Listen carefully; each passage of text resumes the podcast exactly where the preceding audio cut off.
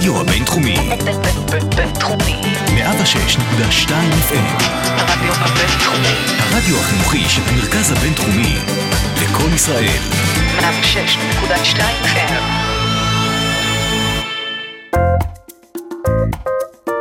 השעה הבינתחומית. פודקאסט שמחדד את המוח. עם שי קלוט. צהריים טובים לכל המאזינים שלנו, אתם על השעה הבינתחומית, תוכנית האקדמיה של הרדיו הבינתחומי, כאן ב-106.2 FM.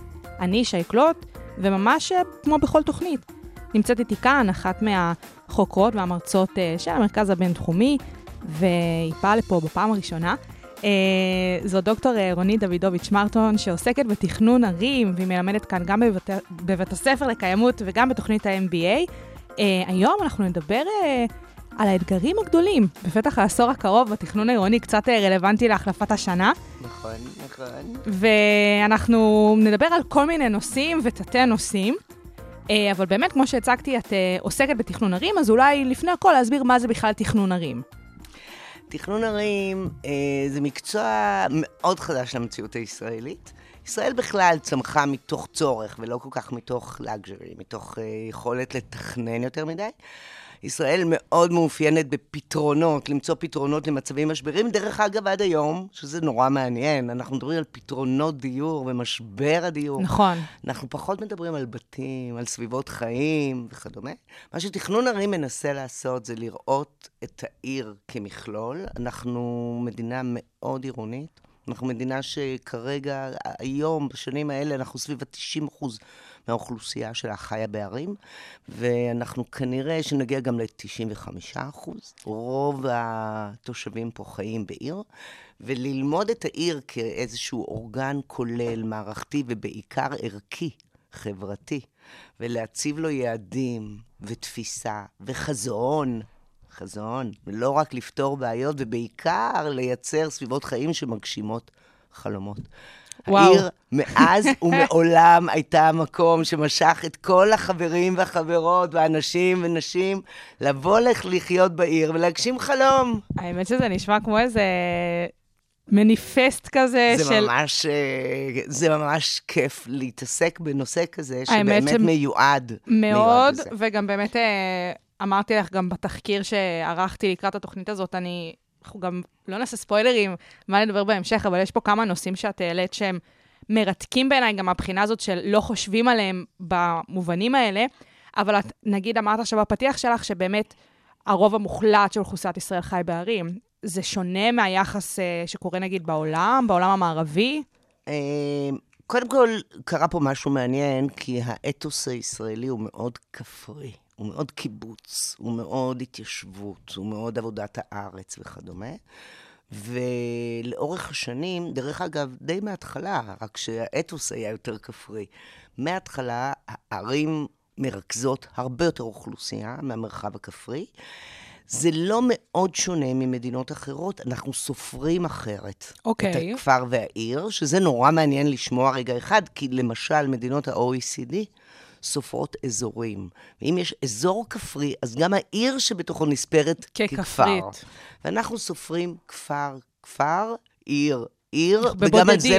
בבודדת, ולא רק זה, אלא שגם נדבר על זה אולי בהמשך, נוצר פה באיזשהו מקום סוג של קונפליקט, כי הערים שלנו נוטות לצמוח על חשבון הכפרים שלנו והאדמ- והקרקע החקלאית והפתוחה וכדומה, ודבר שהוא לא מחויב המציאות, דרך אגב, ועוד פעם, גם פה יש בשורה לתכנון האזורי או העירוני, לתכנון הכולל האסטרטגי, כי ברגע שיש מדיניות מנחה, אז אנחנו יודעים שאנחנו יכולים ליצור סביבות חיים מגוונות יותר, ולא אחד על חשבון השני, אלא אחד נהנה מהשני. באמת באיזשהו, באיזושהי אינטראקציה כזאת, שבאמת הכל יהיה ביחד, ולא כמו שאמרת, אחד על חשבון השני. נכון, ובכלל, התכנון מאוד מתעסק בשנים האחרונות בממשקים. זאת אומרת, זה שעיר צריכה לצמוח זה מצוין. איך היא פוגשת את הסביבה החיצונית לה?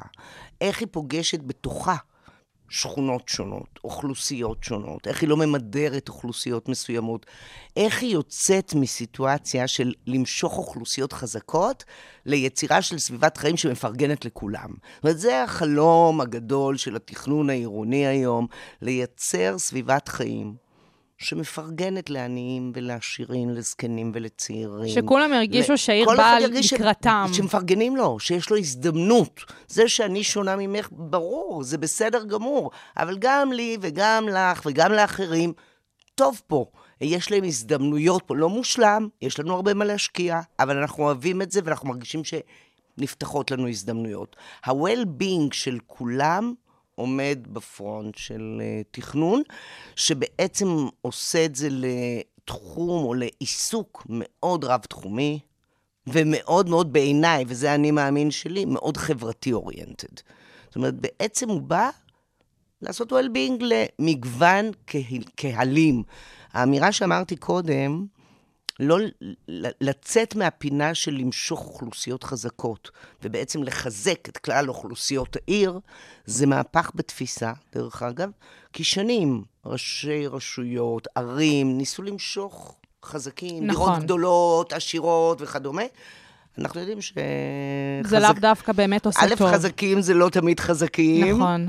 ואנחנו לא יודעים מה זה חזק וחלש, וערים שמפרגנות לכולם הם הערים שבעצם מייצרות את האיכות שכולם נמשכים אליה, הכלכלה, החברה, היצירה, היזמות וכל מה שאנחנו אוהבים לראות בתוך הערים שלנו. אז אם את באמת אמרת שכל הנושא הזה של תכנון ערים זה נושא שהוא מאוד מאוד רב-תחומי, ובאמת אה, צריך אה, להיות אה, מאוד מוכוון לעניין הקהילתי והחברתי, וכמו שאת אומרת, לפרגן לכולם, מה בעצם מתכנן ערים עושה? איזה יכולות הוא צריך? אה, אז ככה, מתכנן ערים הוא למעשה, קודם כל, בראש ובראשונה איש צוות. הוא לא עובד לבד, אף פעם.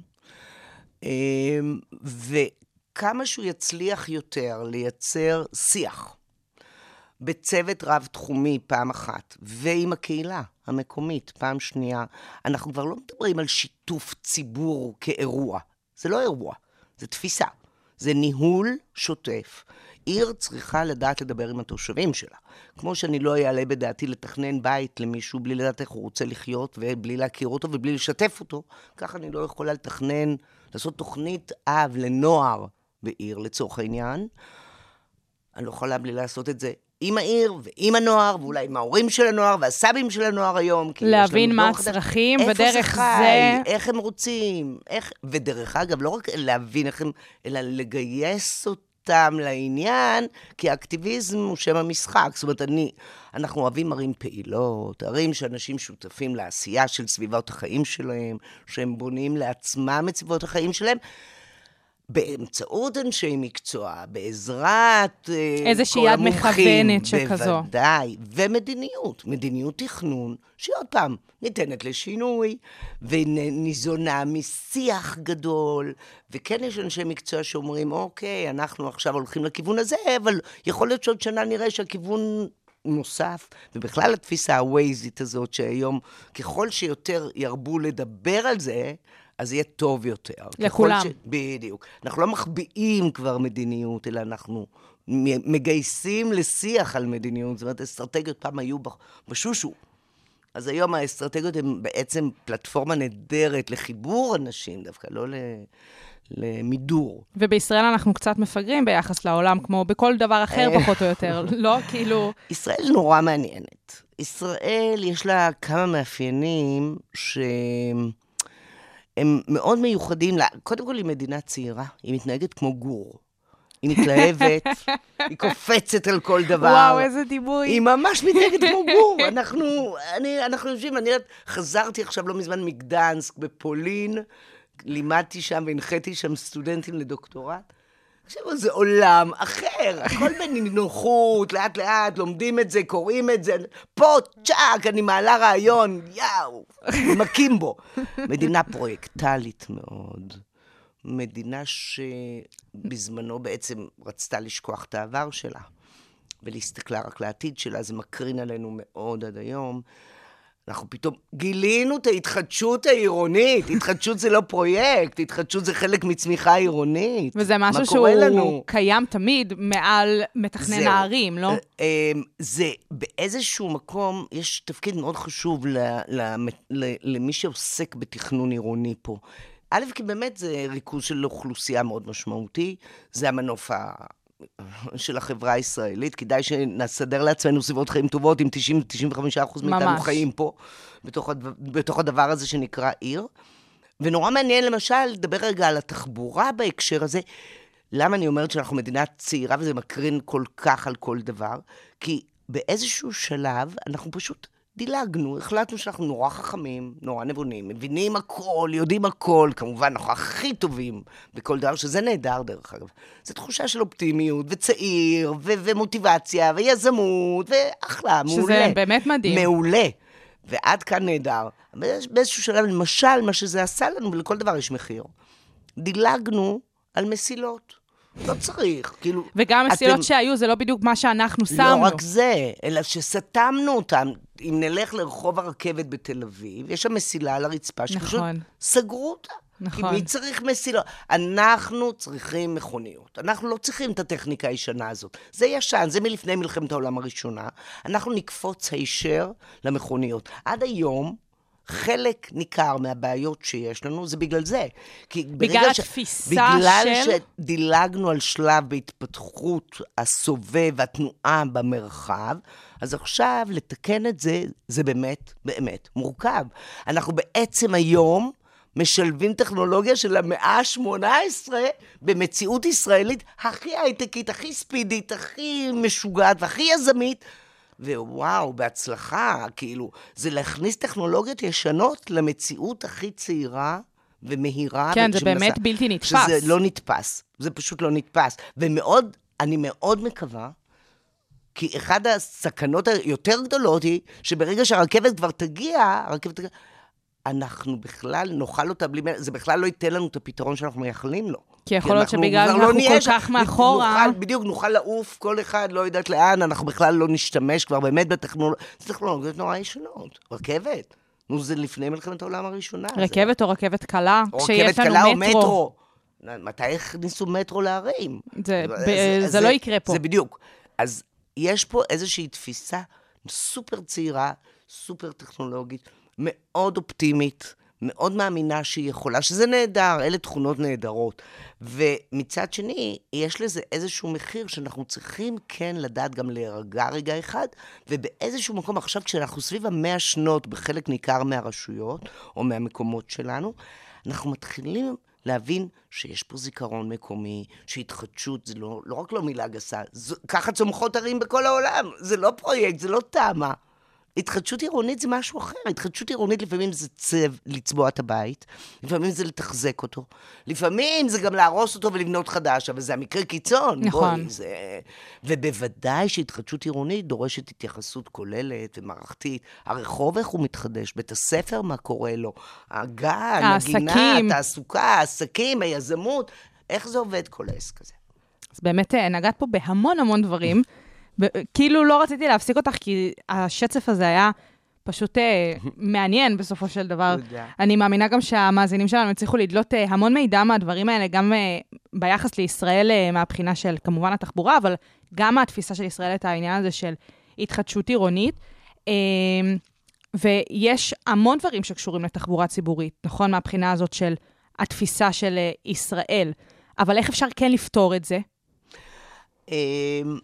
קודם כל, אנחנו...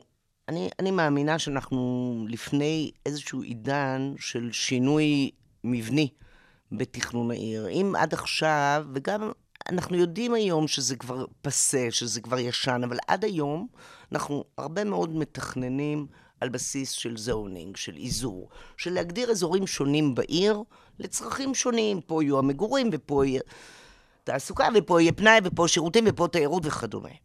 הערים ה- האלה, שמפרידות בעצם בין השימושים השונים, בין אוכלוסיות שונות, בין שעות שונות של פעילות וכדומה, באו מהמהפ- מהמהפכה התעשייתית, זה ישן. אנחנו היום לא צריכים את זה. אנחנו היום מאוד נהנים מזה שאנחנו יכולים לעבוד, ללמוד, לקנות, אה, לעשות אה, אה, מערכת יחסים חברתית, לא תוך כדי נסיעה ברכבת או באוטו. אפרופו רכבות, רכבת או באוטו או, או מהכיסא. ובעצם, אחד הדברים שאנחנו יודעים היום זה שמאוד חשוב, אה, עירוב שימושים, לקרב אוכלוסיות, חברות, אנשים, אה, שימושים יהודים, שעות וכדומה. ועירוב השימושים, או שימוש, אני, אני- גם עירוב השימושים כבר הפך להיות איזשהו משהו שכולם הלכו איתו עד הסוף ובכל מחיר, והיום אנחנו גם יודעים שגם זה, צריך לבחון אותו וללמוד אותו יותר חכם. מתישהו לשים stop לעניין הזה ולהבין איך מווסתים את נכון, כל ואז- החגיגה הזאת. והחגיגה הזאת מתחילה היום לדבר על זיקות, על קשרים נכונים. לא בהכרח אני אוהבת לגור מעל סופר שבא עם פריקה וטעינה בארבע בבוקר ושופך שם שמן על הכביש, ואני באה אחר כך ועושה גליצ'ה בדרך ל... אף אחד לא רוצה אחד את זה, לא רוצה אין את. ספק. ממש לא. וזה מוריד בערך של, של אה, נכסים, זה לא עובד תמיד. העירוב הוא מאוד מורכב. אחרי שהפרדנו בקיצוני, התחלנו לערבב בקיצוני, וכנראה שעכשיו אנחנו מתחילים לאזן את הדברים. פיתחנו אצלנו ב, ב, בסטודיו שני מונחים נורא מעניינים, שיותר ויותר רשויות מתחילות להבין, ודווקא הרציתי על זה בכמה כנסים. אנחנו מדברים על ייעודים ושימושים פתוחים, אוקיי, או שיתופיים. יפה. שזה בעצם בא ואומר, אני לא צריכה לכל בית ספר אודיטוריום ובריכה ומגרש ספורט וכדומה. אני צריכה את ליבת בית הספר, וכל הנלווים יהיו שיתופיים. יהיו שיתופים. יספקו לקהילה, יספקו למתנ"ס, יספקו לבר... למי שאנחנו רוצים. גם באמת הרבה פעמים יש נגיד אה, חטיבה ותיכון ולא יודעת מה, שהם די דוגמה. סמוכים, נכון. ואפשר באמת לעשות איזשהו אודיטוריום שיכול לשמש לא רק אותם, אלא את כל השכונה, קהילה, את השכונה. ולעשות שם הופעות. אולי באחר הצהריים או בערב. בהחלט. עכשיו, וזה מביא לכלכלה עירונית חדשה בעצם. אוקיי. שבאה ואומרת שאנחנו כבר לא בהכרח ניזונים כלכלית מאזורים של תעסוקה, תעשייה, יזמות, כי הם לא נפרדים יותר. אנחנו יכולים לעשות את זה בתוך הספרייה, ואנחנו יכולים לעשות יזמות היום. מי כמו הבינתחומי יודע שאפשר לעשות יזמות מכל מקום? האמת זה רק שזה עניין נכון. של תפיסה, state of mind. האמת שזה נכון. ואנחנו כנראה שנצרוך יותר ויותר שירותים. כי אנחנו מאוד מודעים יותר ויותר לצרכים החברתיים שלנו. כן, אורח שלנו. החיים, דברים החיים כאלה, משתנה. באמת יש אה, הרבה עלייה בתודעה על העניין הזה. דרך אגב, התפיסה המגדרית הרבה תרמה לזה, שאולי עוד מעט נדבר קצת על זה, אבל אחד הדברים שקורים לנו זה שאנחנו צורכים יותר ויותר שירותים חברתיים. אנחנו מבינים יותר ויותר שאנחנו לא רוצים לראות רק דומים לנו, אלא גם המגוון מעניין. נכון. אנחנו רוצים לראות צעיר, בין דוריות, אנחנו רוצים לראות כל מיני אוכלוסיות, כל מיני תרבויות. עיר צריכה להיות מגוונת, מעניינת, ולא אני יוצאת בבוקר, רואה את עצמי במראה רק. רואה אחרים גם. והתפיסה הזאת בעצם מביאה לזה שאנחנו מבינים שהשטחים, מה שאנחנו קוראים החומים, שטחי הציבור, הירוקים, שטחים פתוחים, ירוקים, גינות, פארקים, דה דה. החומים זה אותם חומים ספריות, זה הספריות, בתי ספר. בתי ספר, היכלי תרבות, נכון, מתנסים, שהם מקומות עתירי כאלה. שטח. לא, לא, לא נכון לסגור אותם בצהריים. גם מישהו מנהל אותם, זאת אומרת, יש מישהו נכון. שבאמת אחראי לזה. אז למה לא לנצל את זה שיש לא- פה בדיוק. הנהלה שאפשר. לשתף איתה פעולה? יש עם מי לדבר, יש כתובת, יש כיתות, יש מחשבים, יש מקום, יש... זה כבר קורה בארץ. וזה מתחיל לקרות. וזה בעצם יכול להיות שטח, השטח המניב של העיר, מניב, דרך אגב, תועלות ציבוריות, ותועלות חברתיות, ותועלות כלכליות. כי אין סיבה שלא, אם אני, יש לי משרד, ואני דווקא לא בא לי לשבת, אצלנו יושבים בחלל פתוח. יש רעש ובלגן, ואנחנו אוהבים את הרעש והבלגן. וזה לא מתאים לכולם. כך, לא לכולם זה מתאים, וצוות מסוים רוצה לשבת בשקט. אז למה שהספרייה לא תיתן לי ותזכיר לי? אני אשלם. אני לא צריכה שיעשו לי, כאילו, זה כן, מעולה טובה. לי, מעולה לי, רק שזה יהיה זמין לי בשכונת המגורים, ולא במקום אחר, וליד הבית, ובבוקר ללכת, ו... וזה מתחיל לקרות. האמת שזה גם אה, העניין הזה של העירוב שימושים, כי נגיד באמת אה, צוות אה, מהמשרד מחליט שבא לו להתנתק, גם לפעמים השינוי שגרה הזה זה גם משהו שיכול לפתוח את הראש מעבר להכל. נכון. מגיע לספרייה ונמצא שם.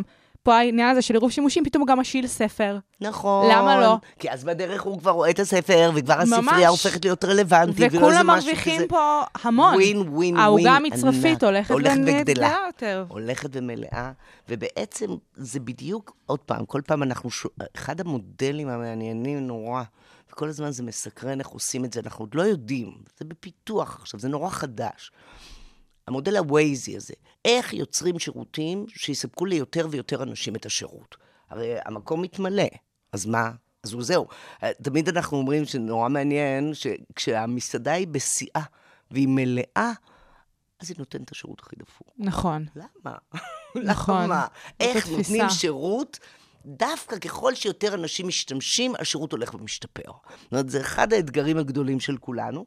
אנחנו יודעים שזה אפשרי היום, והטכנולוגיה מאפשרת, וזה אפרופו עירוניות חכמה, זה לא פרויקט, עוד פעם. זה חלק מתפיסה עירונית, שבעצם באה ואומרת, המרכיב החברתי, האדם הוא במרכז, קודם כל לא להתבלבל, בשביל זה העיר קיימת, והוא העסק המניב הכי חשוב לעיר. אפרופו המהפכה התעשייתית, ככה בדיוק צמחה. ממש ככה זה כך, צמח. כך זה מתחיל. ואי אפשר לבוא ולהגיד, תושבים עולים לי כסף, אני צריך רק אזורי תעסוקה. סליחה, זה ערכית לא עובד העסק נכון, הזה. גם בסופו של דבר אה, תושבים משלמים ארנונה. משלמים. ארנונה, אה, וגם אם הם לא. מכסים את העלות שלהם, הם הנכס הגדול של העיר, לשמם באה העיר, וצריך לדאוג להפוך אותם לנכס המרכזי שעומד במרכז העיר. זה האתגר של התכנון. זה אתגר של התכנון, וגם באמת, אה, אנחנו כאילו מדברות פה על כל העניין של מתכנני ערים והכל, אי אפשר לשכוח שהרבה פעמים אה, אופי של עיר נקבע על פי אה, ראשי הערים, זה, אתה יודע, זה, זה, יש פה גם את העניין הפוליטי, שזה פחות מתקשר, אבל אסור לשכוח גם את הנקודה הזאת. זה, זה מתקשר, כי אנחנו יודעים שאנחנו יושבים על משאב הכי מרכזי, מהמרכזיים, אין הכי, כל אחד רואה את הדברים אחרת, נכון. אבל מרכזי ביותר בחברות בכלל, שזה קרקע, וזמן. דרך אגב, זה שני משאבים מרכזיים. מרחב חברה, וזמן. מרחב וזמן. והעיר מנהלת למעשה את המרחב והזמן. זה, זה, זה האתגר, זה, זה הסיפור. זה הסיפור. והמרחב והזמן הזה, אז בוודאי יש לו שתי פנים. פן אחד, ציבורי פוליטי. זה המשאב הציבורי המרכזי, כל הזמן אה, יש עליו רחש בחש. וזה בס... עושה את זה מעניין. נכון, למה זה, לא? זה השיח. למה לא? השיח הוא בין אנשי מקצוע לבין אנשי פוליטיקה, אנחנו לא מפחדים מזה, אוהבים את זה.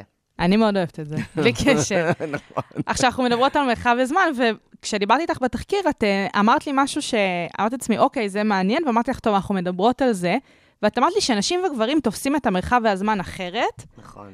ו- נכון. ומכאן זה כבר התגלגל אה, לנושא יותר אה, רחב, שזה כל העניין של באמת תפיסה מגדרית בתכנון עירוני. נכון. אז אולי באמת נסביר למה נשים וגברים תופסים מרחב וזמן אחרת, ואיך זה בא לידי ביטוי בכל הנושא הזה. כן. אז קודם כל, נורא, זה, זה נושא שאותי מעסיק הרבה מאוד שנים. אני מקווה שעכשיו גם את המאזין- זה- המאזינים שלנו זה יעסיק. אני כי זה מקווה באמת, גם. באמת נושא מרתק. אני ממש חושבת שאנחנו לא עוסקים בזה מספיק, כי באיזשהו מקום, התובנות שנגזרות מההכרה בתכנון רגיש מגדר, או מכיר במ- במשמעויות של מגדר, הן מביאות לתובנות של ערים טובות יותר פשוט, בעיניי, לכולם. ווין ווין ווין. אני עשיתי את המאסטר שלי, את עבודת המחקר, את התזה שלי על נשים בתכנון, זה היה נורא חדש. ואף אחד לא הבין מה אני רוצה ועל מה אני מדברת, נו, אז אני אגיד מעולה, על זה אבל משפט. זה אולי הדבר הכי חשוב במחקר אה, אקדמי, ממש, החידוש הזה. לחדש. ואפילו קיבלתי אז בזמנו פרס על חדשנות, זה היה... אני ממש זוכרת את זה לפני הרבה מאוד שנים. אני אגיד ככה בקצרה מה, מה זה אומר, מה התזה אומרת. אה, קודם כל, אני נחזור רגע לאיזור, לזונינג. ברגע שמפרידים שימושים ייעודיים וזמנים, זמן ומרחב, בעיר, אז למעשה נוצר הפרבור, ונוצרים אזורי תעסוקה שהם רחוקים מהבית ורחוקים ממרכז העיר, רחוקים מהמסחר. דורש אוטוסטרדות להגיע ממקום למקום, אפרופו התחבורה, מה קרה לנו פה בדרך. אנחנו תלויי רכב וכדומה. הפרבור הוא למעשה הסמל של, הז... של האיזור. והאיזור הוא שיטה כלכלית.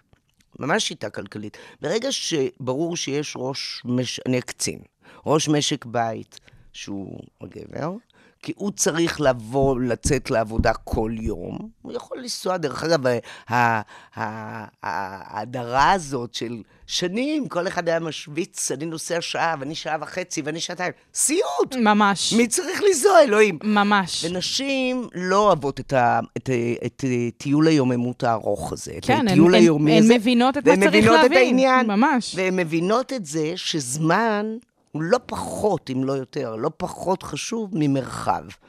ולפעמים שווה חדר קטן יותר, או מגורים קטנים יותר, ומקום טוב יותר, ושווה יותר, ומקושר יותר, ונוח יותר לגישה למקומות החשובים, כדי לממש את עצמנו, ואת החיים שלנו, ואת האיכויות של העיר וכדומה. אבל מה שעשה הפרבר, זה הוא ניתק נשים מעצמן, קודם כל. כל אחת קיבלה בית כמה יותר גדול, יותר טוב. נכון. החלום האמריקאי הידוע והמיטבי, כן?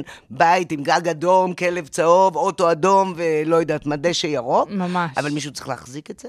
וככל שהבית גדול יותר, אז מי, הגבר יישאר בבית ויעבוד? אבל ברגע שנשים גם מרוויחות פחות בתוך השכר שלהן, אז זה גם לא שווה כלכלית. והנה השיטה הכלכלית, והנה ההסבר לשיטה הכלכלית. וכשנשים התחילו להגיד, סליחה, וירג'יניה וולף כתבה את חדר משלך, וכל מיני קולות התחילו לבוא ולהגיד, אני לא צריכה בית כך גדול, סליחה, אני רוצה במרכז העיר הבלאגניסטי והמכוער. רוצה בית קצת מכוער. רוצה בית קצת מכוער. נהדר לי בית קצת מכוער. ורוצה שהוא יהיה קרוב, אפרופו יהודים פתוחים שדיברנו עליהם, כי זה לא בא יש מאין, זה מפה מגיע, זה מפה נגזר. ולמעשה, זאת המשמעות של נשים שבעצם נוסעות יותר בתחבורה ציבורית. כי הרכב לא איתן, לא אצלן. והן תלויות יותר ברכב פרטי ובמישהו שיסיע.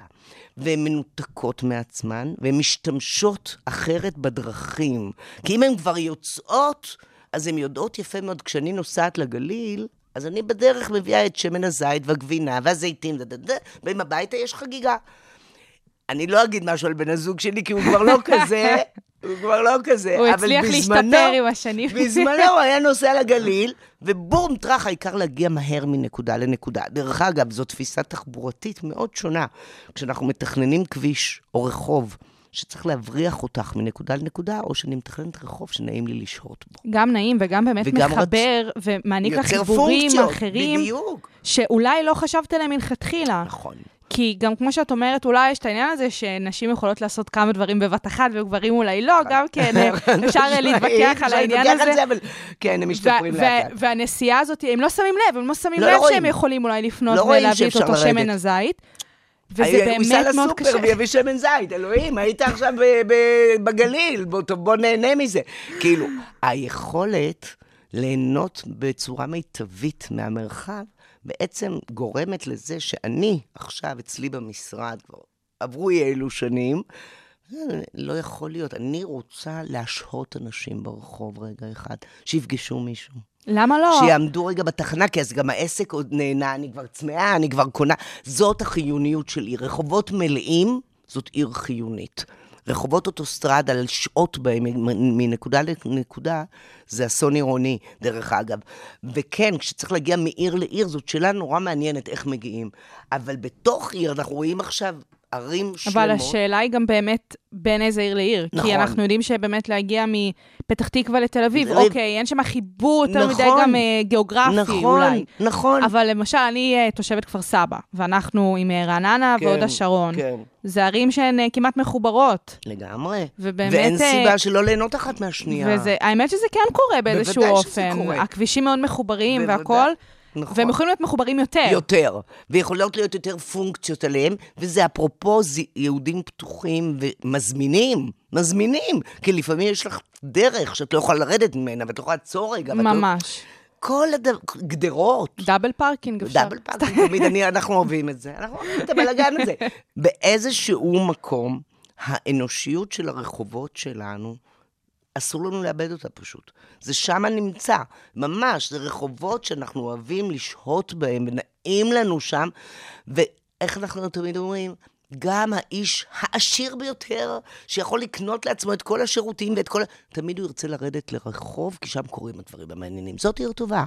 זאת עיר טובה. זאת עיר שהיא טובה לכולם. זה ממש, אני יכולה לדמיין כזה סצנה בסרט. ממש. הרעש נכון, של נכון, הכרך. נכון, באמת. כזה ההמולה הזאת. שהיא באמת יוצרת קודם כל תרבות מקומית, וקודם כל תפיסה ערכית מקומית. שאני, כשאני הולכת ברחוב, נעים לי, נעים לי לראות אנשים שונים, מגוונים. ליד הבית שלי יש הוסטל קטן, עם אנשים מבוגרים, שהם עם צרכים, הם אנשים מאוד מיוחדים, הם יוצאים בבוקר לעבודה. יוצאים בבוקר לעבוד, חוזרים אחרי הצהריים מהעבודה. הנכדים שלי, כשהם באים אליי, הם מחפשים אותם להגיד להם שלום. עכשיו, זה, זה לא כי הנכדים שלי נורא עובדים סוציאליים. לא, כי מבחינתם זה מעניין. ככה, מעניין לראות אנשים, מבין, בטח. ואתה מדבר, ואתה הולך לבקר, ואתה חוזר, ויש חגים ביחד, ויש, ואתה רואה שיש כל מיני, ואיזה כיף זה. נכון לגדול ככה בתוך עיר, נכון לעשות את זה בתוך עיר. ואני באמת חושבת שיש לנו עוד המון אתגרים, כי אנחנו מתבגרים קצת, ויש לנו רב-דוריות וזיכרון מקומי בתוך הערים שלנו, ויש כבר דברים שאפשר להסתכל אחורה, אין לנו את הטראומות ההיסטריות של קום המדינה. אנחנו, מותר לנו להסתכל אחורה ולחדש שכונות. נכון, וזה גם מאוד נחמד להתרפק על, אה, על נכון. ההיסטוריה, והכל בסדר, אבל באמת, כמו שאת אומרת, גם כן יש איזו תפיסה בישראליות להסתכל קדימה, וזה, מעבר לזה שזה חשוב, זה כן תמוה בנו באיזושהי צורה. החדשנות יוצאת מהעבר, דרך אגב. אם יש לנו כזה מין משהו בסיסי שלנו, שאנחנו גאים בו, ו-DNA, וגאוות יחידה, סבבה, עכשיו אנחנו בשלים לצאת ולקפוץ ולתת את הזינוק הבא. הכל מצוין, זה לא על חשבון. זה, זה מזין אחד את השני. זה, זה מאוד הגיוני, וכמו שאת אומרת, פשוט רואים את זה בשטח. אני כן רוצה לחזור לעניין של המגדר. כן. כי אנחנו סטינו מעט. נכון. ובצדק, בצדק. אמ, אז מה זה בעצם אומר, העניין הזה של תכנון מגדרי? איך זה קשור באמת לתפיסה של קהילה ותפיסה חברתית? התוכנית, תכנון בכלל, והתוכניות ש... בין אם זה מסמכי מדיניות ובין אם זה תוכניות אה, הכי תכלסיות של פרוגרמה למערכות שירותים, לחתך רחוב, ואיך הרחוב יראה, אפרופו מה שדיברנו קודם. צריך לקחת בחשבון לאורך כל הדרך, שה... שני דברים, או שלושה דברים מרכזיים שאנחנו לומדים מתפיסה שהיא רגישת מגדר, שמסתכלת על המגדר ואומרת, וואלה, אני רוצה לפרגן לכולם, נשים, גברים, בכל הגילאים, בכל שלבי החיים, ולאורך כל הדרך. זאת אומרת, ואז בעצם אני אתן שתיים, שלוש דוגמאות, כי יש לזה השלכה מאוד ישירה. פעם אחת דיברנו על רחובות מזמינים. הרחובות של העיר צריכים להזמין, וכולם צריכים להרגיש נוח ובטוח. לאורך כל שעות היום. זה אולי הכי. בסיסי. זה הדבר, באמת, שאם בן אדם לא מרגיש נוח, הוא לא יצא לרחוב. נכון. ודרך אגב, נשים מאוד הביאו את זה למודעות המתכנן. מתכננים שנים לא דיברו על זה. ברור? תאורה, צל, נעימות ברחוב, ביטחון ברחוב. אני רוצה לתת עוד דוגמה אחת שהיא נורא מעניינת. אנחנו שנים תכננו פה מין בת, בתים מאוד מאוד מאוד איכותיים ויפים במודלים, שמביטים פנימה לסגינה פנימית כזאת. לא אנגליה, אנחנו לא עיר, באמת, יש לנו מזג אוויר ים תיכון, קצת חמים פה לפעמים. לא קצת. חמים זה- קצת חמים, את מבינה? כן. כאילו, 80 אחוז מהזמן אנחנו עם שמש קופחת על ראשנו עם 40 מעלות אה, בצל או משהו. ואנשים מאוד אוהבים לא להסתכל רק פנימה לתוך איזו גינה שהיא משמימה. קצת, אנחנו בכל זאת גם לא יפן כל כך, תרבות קצת אחרת, את יודעת. קצת שונה, ים תיכונית, רוצים לפגוש אנשים, שיהיה מעניין, מה לשבת עם קורה. הלימונדה עם הקרה הלימונדה שלנו, ויוגורט כוס ביר- הקר כוס בירה, ומשהו, כן, כוס בירה, כן. נכון. ומסתבר שכשאנחנו, וזה אפרופו, ממגדר לומדים את זה. אחד הדברים שאנחנו יודעים זה שכשאנחנו מתכננים מרפסות גדולות לחצר פנימית כזאת, עשינו ניסיון כזה בכמה מקומות, דרך אגב, זה נורא מעניין, ומרפסת שירות כזאת לרחוב. אז תראי מה אנחנו מאבדים בדרך. קודם כל הרחוב נראה נורא. כי כל המקל וכל ה... אנחנו הרי שוטפים את הבית עם מים, אנחנו אמרנו, לא אירופה, בכל לא, זאת. ממש לא. שופכים מים, איפה הספונג'ה, ואיפה זה, הדלי, לא? וזה כבר נראה ישר ברחוב, בפרונט. ובמרפסת האלגנטית, היא פונה לבפנים, שלא רואה כלום. ומסתבר שאנשים הפכו, שמו במרפסת הגדולה את כל התחזוקה, והוציאו איזה שולחנון קטן ופיצי לרחוב. כי מה, איפה מעניין? איפה נכון. מעניין לנו? מעניין לנו ברחוב. עכשיו, נשים בבני ברק לימדו אותי ש... רגע, תסבירי מה את עושה בבני ברק. זהו, נפלנו. על נושא חדש. שלא. בבני ברק אני הייתי ה... אחד הגורמים בצוות אה, תכנון תוכנית המתאר, שבעצם הגדיר את כל הפרוגרמה העירונית.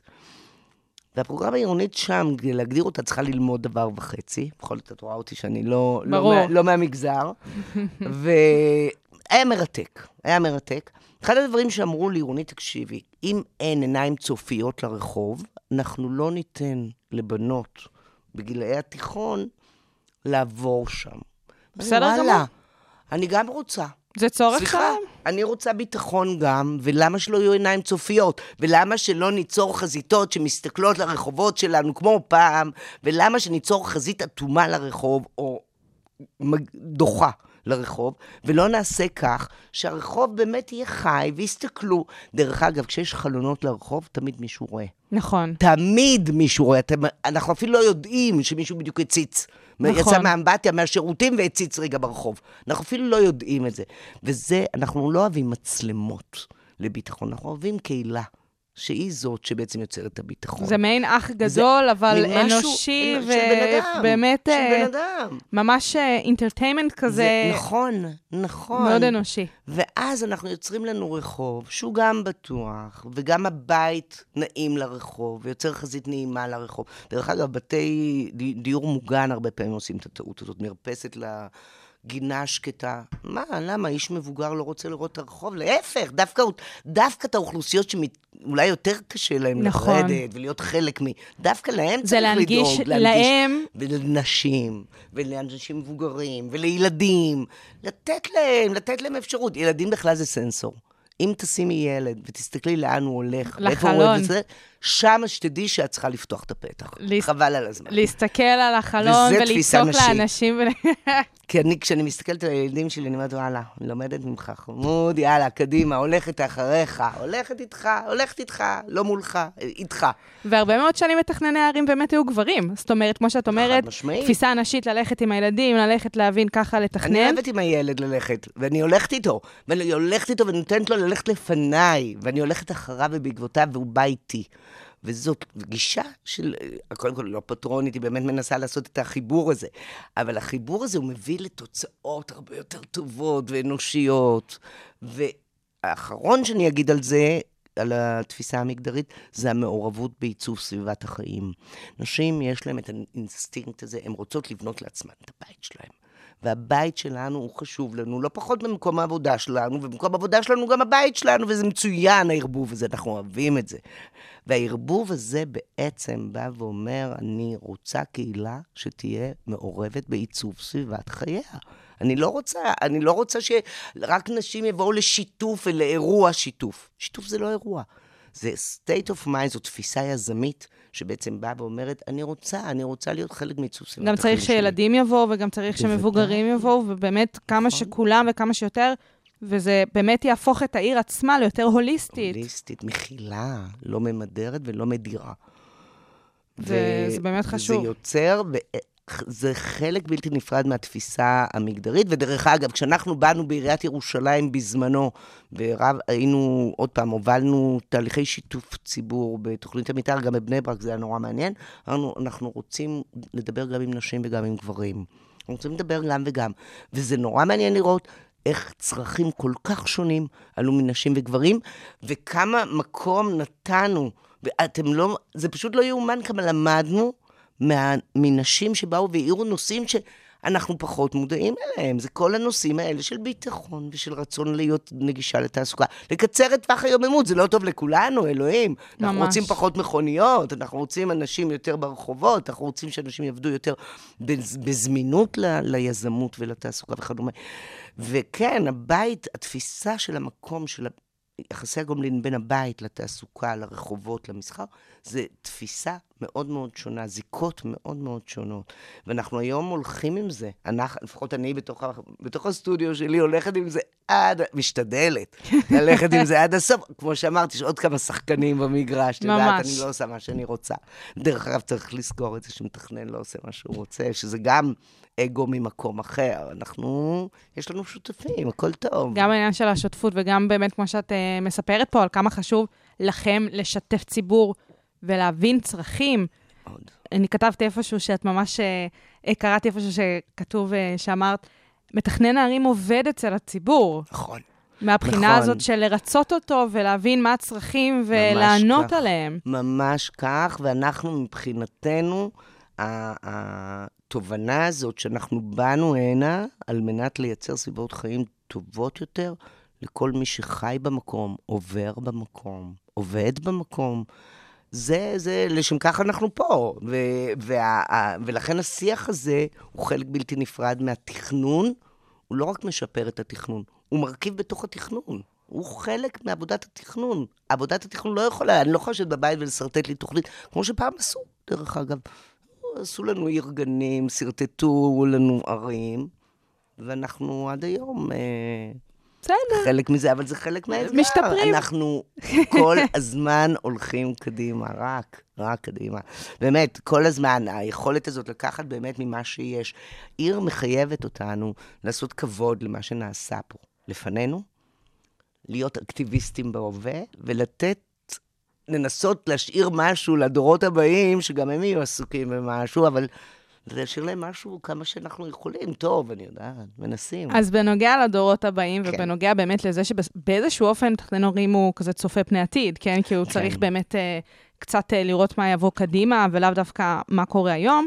אה, אז בכל העניין הזה יש את הדור הבא שיבוא, את הדור הצעיר, נכון. שאנחנו צריכים להבין, אנחנו, אתם, אני, מה אני? איפה אני פה בתוך הסיפור הזה? לא, לא, לא, את מאוד חשובה בתוך הסיפור הזה. איך אתם באמת תצליחו, כל מתכנני הערים, להבין מה הצרכים של אותו דור שיבוא. שהדור הזה, על מה אנחנו, לא, על מה אנחנו מדברים? על אה, ילדים קטנים היום, נכון? נכון. זה. מי שהיום... אה, נכון, הצעירים שבחבורה, ואלה שעוד לא באו אפילו, ויבואו עוד, ואנחנו בעד. אז איך עושים את זה? איך- זאת אומרת, איך, איך- איך עכשיו מתכננים עיר לעוד נגיד 30, 30 שנה? שנה. בהחלט. זה אחד הנושאים אה, הכי מעניינים. זה עתידנות. זה עתידנות. זה גובל בעתידנות, אבל האמת היא שעוד פעם, באיזשהו מקום, אני, חוש... אני מאוד מאמינה שאנחנו צריכים לנסות ולנתח את המגמות כמה שיותר טוב, באמת להיות פתוחים כמה שאפשר, ולהשאיר תוכניות שמאפשרות שינוי ועדכון. זאת אומרת, אנחנו, אני, מת, אני היום ראש צוות תוכנית מתאר חריש, העיר הזאת תקום, במקרה הטוב, הגדולה, חריש יותר, יותר גדולה ממה שהיא היום, עוד 30 שנה, 40 שנה, אני לא יודעת איך יחיו. אני באמת לא יודעת. עכשיו, יש, יש המון עתידנות איך יחיו ומה יעשו. אני לא מתיימרת. אני מאוד מנסה להותיר אחריי תוכנית שתבוא ותחייב כל חמש, עשר שנים לבדוק אותה, לעדכן אותה ולאפשר צמיחה שלה. אמ, אני אגיד עוד משהו שהוא קצת עתידני בתחום שלנו, אבל אנחנו מנסים היום מאוד גם לשלב מה שנקרא תכנון שהוא, או בנייה, או פיתוח, שהם לא קבועים. שהם זמניים, שזה עוד פעם, דיברתי קצת קודם על אגו מקצועי. המתכננים, האדריכלים, ואני באה מבית ספר מאוד פיזי, אני באה מהטכניון, אה, הוא כבד באמת בבנייה, אה, יש לו היבט פיזי מאוד, כן. ולכן כשבאתי ורציתי לעשות על אה, מגדר ותכנון, אף אחד לא הבין מה אני רוצה. גם די, חוץ די אפור, שלי, די אפור. שכן, המנחה שלי שתחיה ושתהיה בריאה ארזה עד טפו, טפו. שממנה למדתי המון. וכל כך הרבה, והיא הלכה איתי עם זה עד הסוף. אמ, אני מדברת עליה, זה כל פעם מרגש אותי מחדש. איזה כיף. אבל כן, ממש, זה היה זכות, זה זכות גדולה, לא היה, זו זכות גדולה שלי. אבל באמת באיזשהו מקום לדבר על תכנון או בינוי או פיתוח זמני, זה לא עלה על הדעת, עד לא מזמן.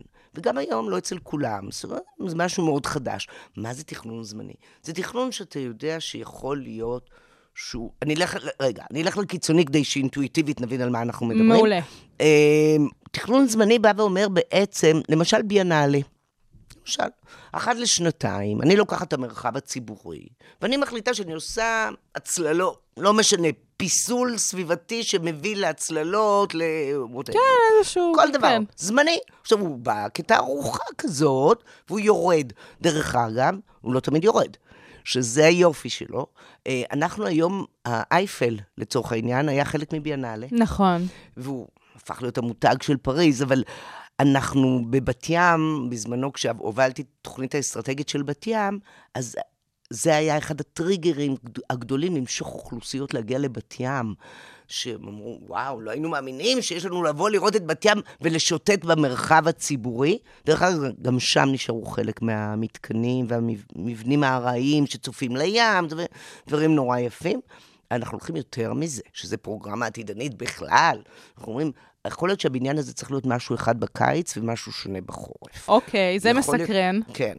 יכול להיות שהמגרש הזה, עד שהוא ייבנה, צריך, נכון לעשות לו בריכה פתוחה בקיץ, ובחורף אני אעשה לו מין אוהל מחומם כזה לנוער ולנגינה ולתרבות הרבה מקומית. הרבה פעמים אה, אמרת את העניין של האצטדיון, זה ישר הקפיץ לי את העניין כן. של אה, ערים כשהן מארחות אולימפיאדות. נכון. והן בונות את המתקנים. נכון. נגיד, רואים את זה ממש באתונה 2004. מאוד, דוגמה מדהימה. מה שקורה שם זה ברמת הטרגי. ממש. זה פשוט נורא. עצוב. ותראי מה ברצלונה הצליחה בדיוק, לעשות מזה. מנגד לעומת ברצלונה. זאת. נכון. וזה... החתונה של הורים שלי, בדיוק. 92. אה, וואלה. הם יקשיבו עכשיו, ישמחו. איזה יופי. מזל טוב. אז תקשיבי, זה בדיוק התפיסה שבאה ואומרת, אם אני כבר עושה תשתיות כל כך כבדות, לא חייבת שזה יהיה קבוע. בואו נחשוב רגע איך אני יכולה לארגן אותם במרחב ובזמן. כך שבלילה זה יהיה דבר אחד, ביום זה יהיה דבר אחר, סופי שבוע דבר אחד, סופי שבוע. אני מכירה מתחם, אני לא אגיד באיזה עיר, אבל באמת שהוא מתחם של ריכוז של מבני ציבור. ארבעה, ומבני ציבור, זאת אומרת, הוא הכי צריך להיות ציבורי ונגיש לציבור, זה התפקיד שלו, בשביל זה הוא שם, אלוהים. עם העירוב שימושים שפשוט לא קורה שם. כן. כאילו, הוא ננעל לארבעה חודשים. אין שם אף אחד. אין שם אף אחד. בתי ספר, מרכזי הדרכה למורים, אה, בריכה אה, לשחייה, אני יודעת איך קוראים לזה, בריכה חינוכית כזאת, לא קאנטרי חלילה. למה? למה? איך עושים כזה דבר? זה חייב להיפתח לציבור. זה לא חכם. כל בתי הספר שלנו, קריות החינוך שלנו, שזה חורים שחורים בתוך העיר, הם בדיוק הדוגמה ל zoning הקיצוני. ואנחנו צריכים לצאת מהמקום הזה ולייצר באמת משהו שהוא גמיש יותר, שהוא משתנה. אנחנו בעידן של שינוי והשתנות ועדכון מתמיד, אונליין. אונליין. נכון. לא offline, אנחנו כבר לא שם, באמת. זה כאילו קצת מרגיש, כי בגלל שאנחנו מדברים על בנייה, נכון. שבנייה זה משהו שהוא נורא קבוע. אבל זה לא חייב. אבל זה כאילו זה- בתפיסה צריך משהו בתפיסה להשתנות, צריך ולאו להשתנות דווקא פה. באמת בחומרים, ב materials, נכון, שכאילו נכון. משתמשים בהם לבנייה. ורחובות צריכים להיות ערש התרבות המקומית, דיברנו על הגשמת חלומות. אנשים צריכים להרגיש שהם, וואלה, יש להם גלריה בתוך הקירות האלה, הם יכולים לתלות. למה בתי ספר היו כל כך משמימים? למה הם לא יכולים לפתוח גלריה על הקירות שלהם? הרי יוצרים שם בפנים דברים מדהימים. איפה הילדים ללכת ברחוב, להגיד, להביא את ההורים שלהם להשוויץ, ופתאום הרחובות יתמלאו, ופתאום יהיה מעניין ברחוב? מה זה? למה רק גני לוקסמבורג יודעים לעשות תערוכה על הגדר, ואנחנו לא? למה? למה? אז אנחנו מתחילים. יש אולי גם ואנחנו- דברים שקשורים לתפיסת תרבות. נכון. זאת אומרת, גני לוקסמבורג, אין מה להג- להגיד, באמת השוואה שלנו לעומת צרפת מבחינת אה, נכון. אבל זה דבר והכל, אבל פשוט כן. יחסית, מה שאני אומרת. זאת אומרת, זה אפילו לא הייטקי, אבל זה כל כך חכם. ולכן עיר חכמה זה לא רק עיר טכנולוגית, עיר חכמה זה עיר חיה. עיר מפרגנת ליזמות. עיר שיוצרת הזדמנויות כל הזמן לכולם. יש עוד משהו אחד שאני חושבת שנורא חשוב לומר אותו, אפרופו אתגרים לעשור הבא. אנחנו מדינה, אנחנו מדינה קטנה. שבסך הכל תוך שש-שבע שעות אני חוצה אותה לאורך. נכון. לא מדברת על הרוחב. עכשיו, אני שמעתי, מתי נפל לי האסימון? עוד פעם, שמעתי בחורה, מן הסתם, שהיא רוכבת אופניים, והיא באה הנה עם איזה טור דה לא יודעת מה, והם רכבו. אני בחיים שלי, וזה רק, עוד פעם, נשים שמות לב יותר לדברים האלה, אין מה לעשות, מה, כי הגברים רוצים מהר. ה- השינוי של את יכולה הנופים. פה ולראות כזה מגוון, מהשלג לים, ממש. לאזור הכי נמוך בעולם, לגבעות, לחורש, לירושלים, ליער, לירושלים, בוודאי. סמל, ה- לא יודעת, המדבר. אומרת, זה מדהים, זה מדינת קפסולה. זה מדינת קפסולה. ואני אז אמרתי, איזה יופי. זה כל כך יפה. למה אנחנו מנסים לחתוך אותה כל כך עם האוטוסטרדות שלי? אנחנו ממש לא, לא ארצות הברית, בואי. אנחנו לא שם. ומנגד יש לנו את שביל לנו ישראל. ש- יפה, שזה אחד. אחד המהלכים שבעיניי הוא תופר תרבויות ותבניות נוף ו... וריחות וצבעים. באים מכל העולם לטייל. ברור. זה מדינה של. טרקים הכי שווה. בחיי. אז אה, הכי, הכי שווה, הכי שווה. בין תרבויות ובין אוכלוסיות ובין נופים ותבניות נוף וריחות וצבעים. ועם? זה שיש את אה, מלאכי השביל, שבאמת פותחים את ביתם זה מדהים. למטיילים. תראי איך כשתופרים. מרחב, הקהילה פותחת את הלב. האמת שזה נכון, אין, כי באמת עובד. השבילים אמורים לעבור דרך היישובים, נכון. ואז זה עושה את זה למשהו קהילתי כזה. והקהילה מקבלת, והחינוך לומד, והוא בא לארח. ועסקים ל- שנמצאים ועסקים בדרך. פורחים. ככה, ככה עושים, ככה עושים. מי היה מאמין. שנשתמש בשביל ישראל לאנלוגיה אה? לנקודות שנעביר לנקודות? שלנו, תראי איך הגענו לזה. באמת לא חשבנו על יודעת, זה. הגענו, לא, זה היה מפתיע. ודווקא אבל טבע, כן, וכאילו לא עירוניות. מעניין. אבל האמת שזה נכון, פתאום אה, את תוך פשוט כדי עושה את השיחה. זה נהדר, את לא. את כל פעם מדליקה לי איזו אסוציאציה אחרת, זה פשוט כיף.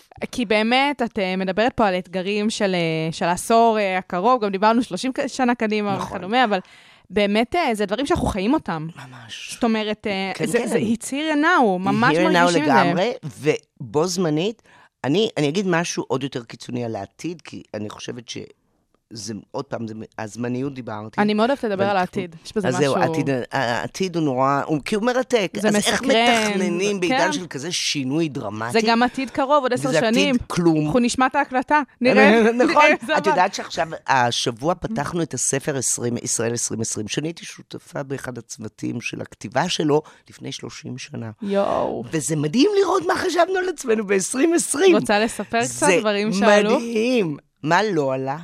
נו, תחבורה ציבורית? לא, זה עלה. אוקיי. זה עלה. זה עלה. דווקא, דרך אגב, לא חזו את גודל המשבר והשבר, אבל דיברו על חשיבות הקשרים וכדומה, אה, מינורי מאוד, לא כמו היום. אוקיי, מה לא עלה?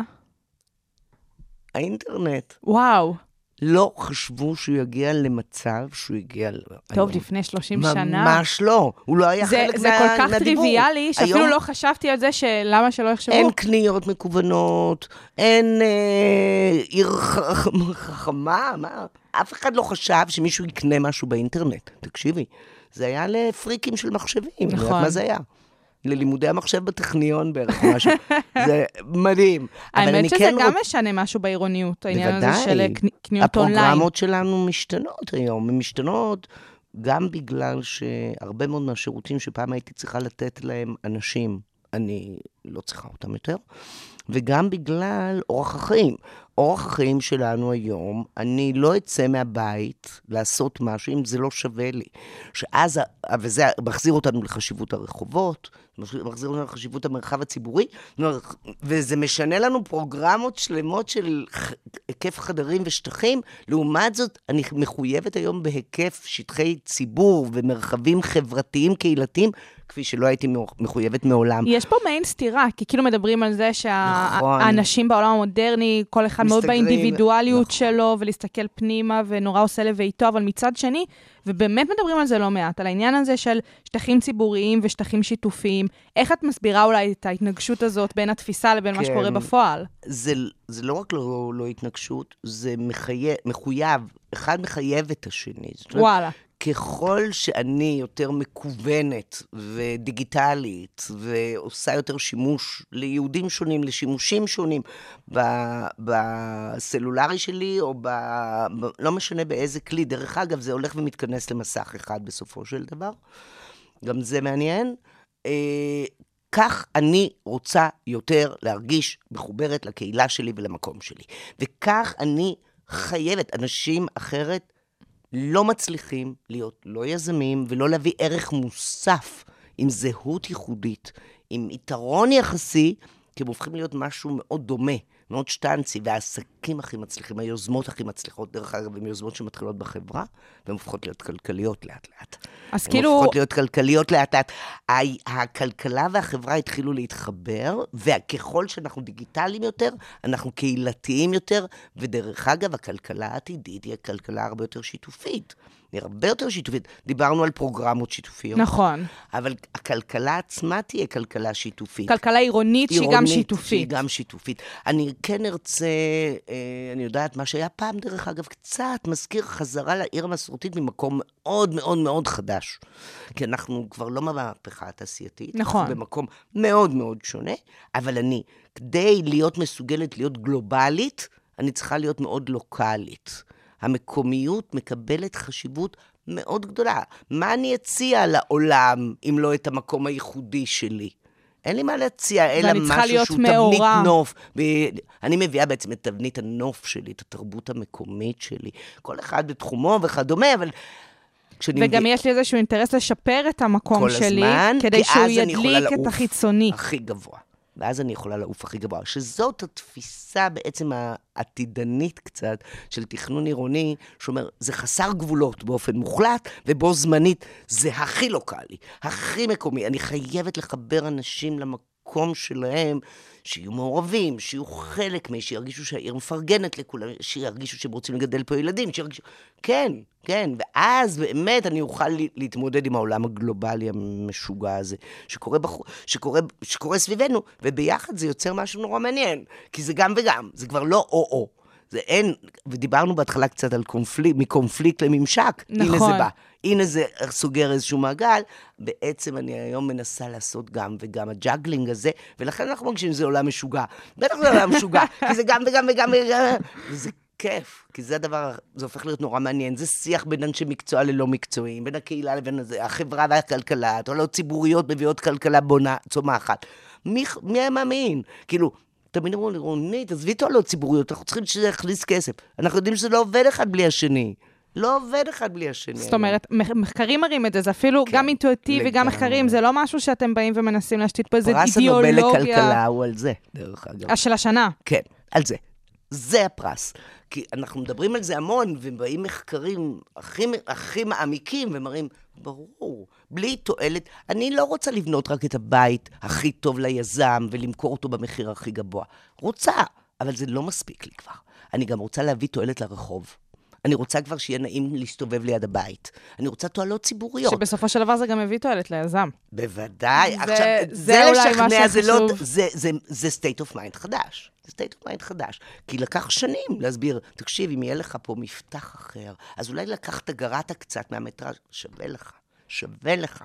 זה יוצר את האיכויות החדשות שעליהן אנחנו מדברים עכשיו. אנחנו יוצרים איכויות עדכניות כל הזמן, ואנחנו לוקחים את חוסר הוודאות, ובעצם הופכים אותו לכלי תכנוני. טוב לי שאני לא יודעת איך יחיו. אני לא צריכה לדעת הכל. זה מצוין שאני לא יודעת איך... הרי אני לא יכולה לדעת איך כולם נכון, חיים בעיר גם. נכון. מצוין אין לי. דבר כזה אז אדם אני צריכה ממוצע. לשחרר. אז אני צריכה לתת לתוכנית שלי לא לעשות אובר תכנון. אני צריכה לאפשר תכנון, שכן, אנשים ייכנסו, יזיזו קצת הכיסא, יהיה להם נוח, לא צריך להגיד בדיוק איפה הכיסא יעמוד. לא תמיד חייבים. הכל טוב, בסדר. רונית, אנחנו בדקות האחרונות של התוכנית שלנו. זה קרה. אני לא יודעת קרה. איך הזמן הזה לא פשוט נכון, רץ. באמת? אז נשבעת. וואלה. אז אה, ככה, לסיום, איפה אנחנו באמת נהיה בעתיד? אנחנו מדברות על העתיד, אבל אולי נקודה אחת ספציפית, גם אולי לאור האתגרים שלנו כאן, והאנקדוטות השונות שבאמת עפו פה באוויר אה, ללא הכרה. אז, אבל משהו כזה לסיום שבא לך אה, כן להגיד ככה, אני אגיד, מש... אני אגיד משהו, שאני אני חושבת שאנשים יחיו יותר שנים. זה אנחנו יודעים כן, זה, מהמחקרים. זה אנחנו יודעים. ובעצם יש פה דור חדש. דור שאנחנו לא הכרנו, אני לא הכרתי אותו כשאני הייתי צעירה, ואני קצת משתייכת אליו עכשיו, אני פחות או יותר שם. זה דור שהוא מאוד אקטיבי, הוא מאוד יודע, מצד שני הוא כבר לא צעיר נורא, והוא צורך הרבה מאוד תרבות, פנאי, ידע, דה, דה, דה, הוא מאוד פעיל, ומצד שני, אנחנו רוצים מאוד שגילאי העשרה, הגילאי העשרים, הם יתפסו, והם כבר תופסים, לא שואלים אותנו בכלל, ואנחנו רוצים ליהנות מזה. אבל אני חושבת שנוצר פה משהו נורא מעניין. זאת אומרת, אנחנו נהיה מאוד, איך אני, החמולה העתידנית, היא תהיה מאוד מאוד מגוונת ומאוד מעניינת. היא תהיה מאוד שונה ממה שאנחנו מכירים. היחסים הבין-דוריים יהיו מאוד שונים. גם היחסים המגדריים, אני חושבת שהם ישתנו. ואני חושבת שהולך להיות לנו עולם נורא מעניין. זאת אומרת, באיזשהו מקום, הערים, הערים הם תשקיף של החברה והכלכלה. הם אה, בעצם וכדומה. ייתנו ביטוי לכל הם הדברים ייתנו האלה. ביטוי לכל מה שאמרתי עכשיו, אנחנו נחכה ונראה. העניין עוד לפנינו. אנחנו נחכה ונראה. אז רונית, באמת היה לי מקסים, אני אה, למדתי המון, אני גם בטוחה שהמאזינים שלנו למדו והשכילו, ואני חושבת שכולם אמורים להאזין לזה, מתכנני ערים ואנשים אה, שחיים בעיר, שזה בעצם כולנו. חייבים להקשיב לזה, אז תודה רבה לך. תודה רבה על ההזדמנות, שי, איזה היה כיף לדבר איזה איתך. כיף. ממש. והמאזינים שלנו, המון תודה שהייתם איתנו כאן בשעה הבינתחומית ברדיו הבינתחומי. אתם כמובן יכולים להיכנס אה, לאתר שלנו או לכל אפליקציה אחרת אה, שמעלה את התוכנית הזאת ולהאזין on demand, וגם כמובן לתוכניות אחרות. אז אני הייתי שי קלוט, והמון תודה לכם שהייתם איתנו כאן היום. שיהיה לכם המשך יום מקסים.